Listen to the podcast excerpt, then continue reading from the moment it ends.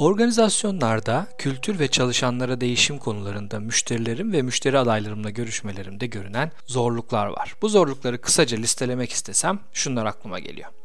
Organizasyonda kültür değişimi çok masraflı. Üst düzey yöneticilerin desteği çok zor.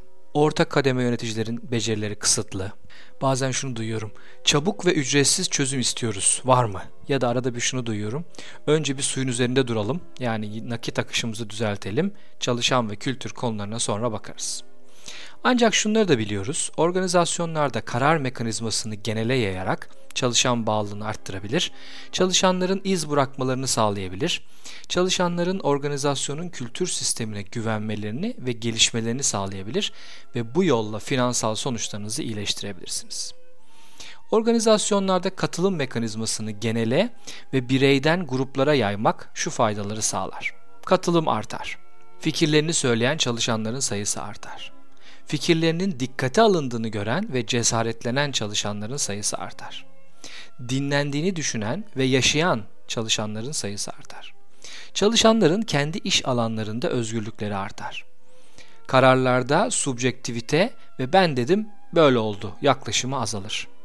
Çalışanlar etki alanlarının genişlediğini görebilirler. Çalışanlar daha farklı kararların parçası oldukça büyük resmi ve büyük resimde kendi çabalarını ve etkilerini daha da net görebilirler.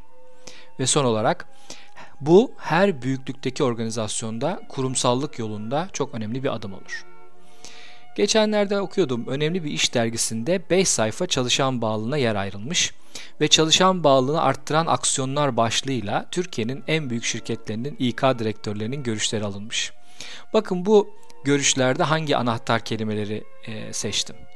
Süreç, sistem, kök nedenler, objektif, düzenli anketler, yenilikçi uygulamalar, esnek yanaklar, yaşam boyu öğrenme, çalışan gelişimi, rotasyon, esnek çalışma modeli, esenlik programı, podcast serisi, şirket akademisi, sosyal koruma, emeklilik imkanları, babalık izni gibi. Düşündüm de bazı anahtar kelimeler de hiç kullanılmamış ve bu kelimelerin daha çok bağlılıkla ilgili benim anlattığım tarafta, benim düşündüğüm tarafta olduğunu sezdim ve onları da küçük e, listeledim. Örneğin güçlü çalışan, hizmetkar liderler, özgür çalışanlar, takdir, psikolojik güvenlik, geliştirici geri bildirim, insan bağı, sosyal ilişki, büyük resim, karar paylaşımı, özgürlük, kendini ifade etme, çalışanı dinleme, çalışanı yetkilendirme, otonomi artışı. Mesela bu ve buna benzer kelimeleri bu e, bölümde hiç göremedim. Bu bana büyük kurumlarda bağlılık kavramı altında bağlılığın asıl etmenlerine dokunuşların çok sınırlı olduğunu düşündürdü. Peki hangi kararları bir kişinin kararı olmaktan çıkarır, bir yatay ekibin kararına, bir uzman ekibin kararına, bir geniş karar grubunun kararına dönüştürebiliriz ki bunu yapmak aslında bedava. Bazı önerilerim olacak burada. Örnek, işe kim alınacak? En temel kararlardan biri. Hangi kriterlere bakılacak? Ve CV'lerden isim hanesini kaldırıp bütün adaylara tekrar bakabilir miyiz? İşten kim, hangi sebepten ve hangi kriterle çıkarılacak? Her çalışan hangi performans puanını neden kazanacak? Maaş artışları hangi kritere göre yapılacak?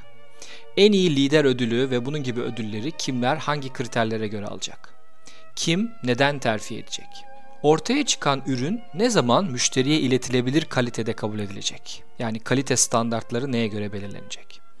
Ürün ne zaman bitecek ve ne zaman lansman yapılacak?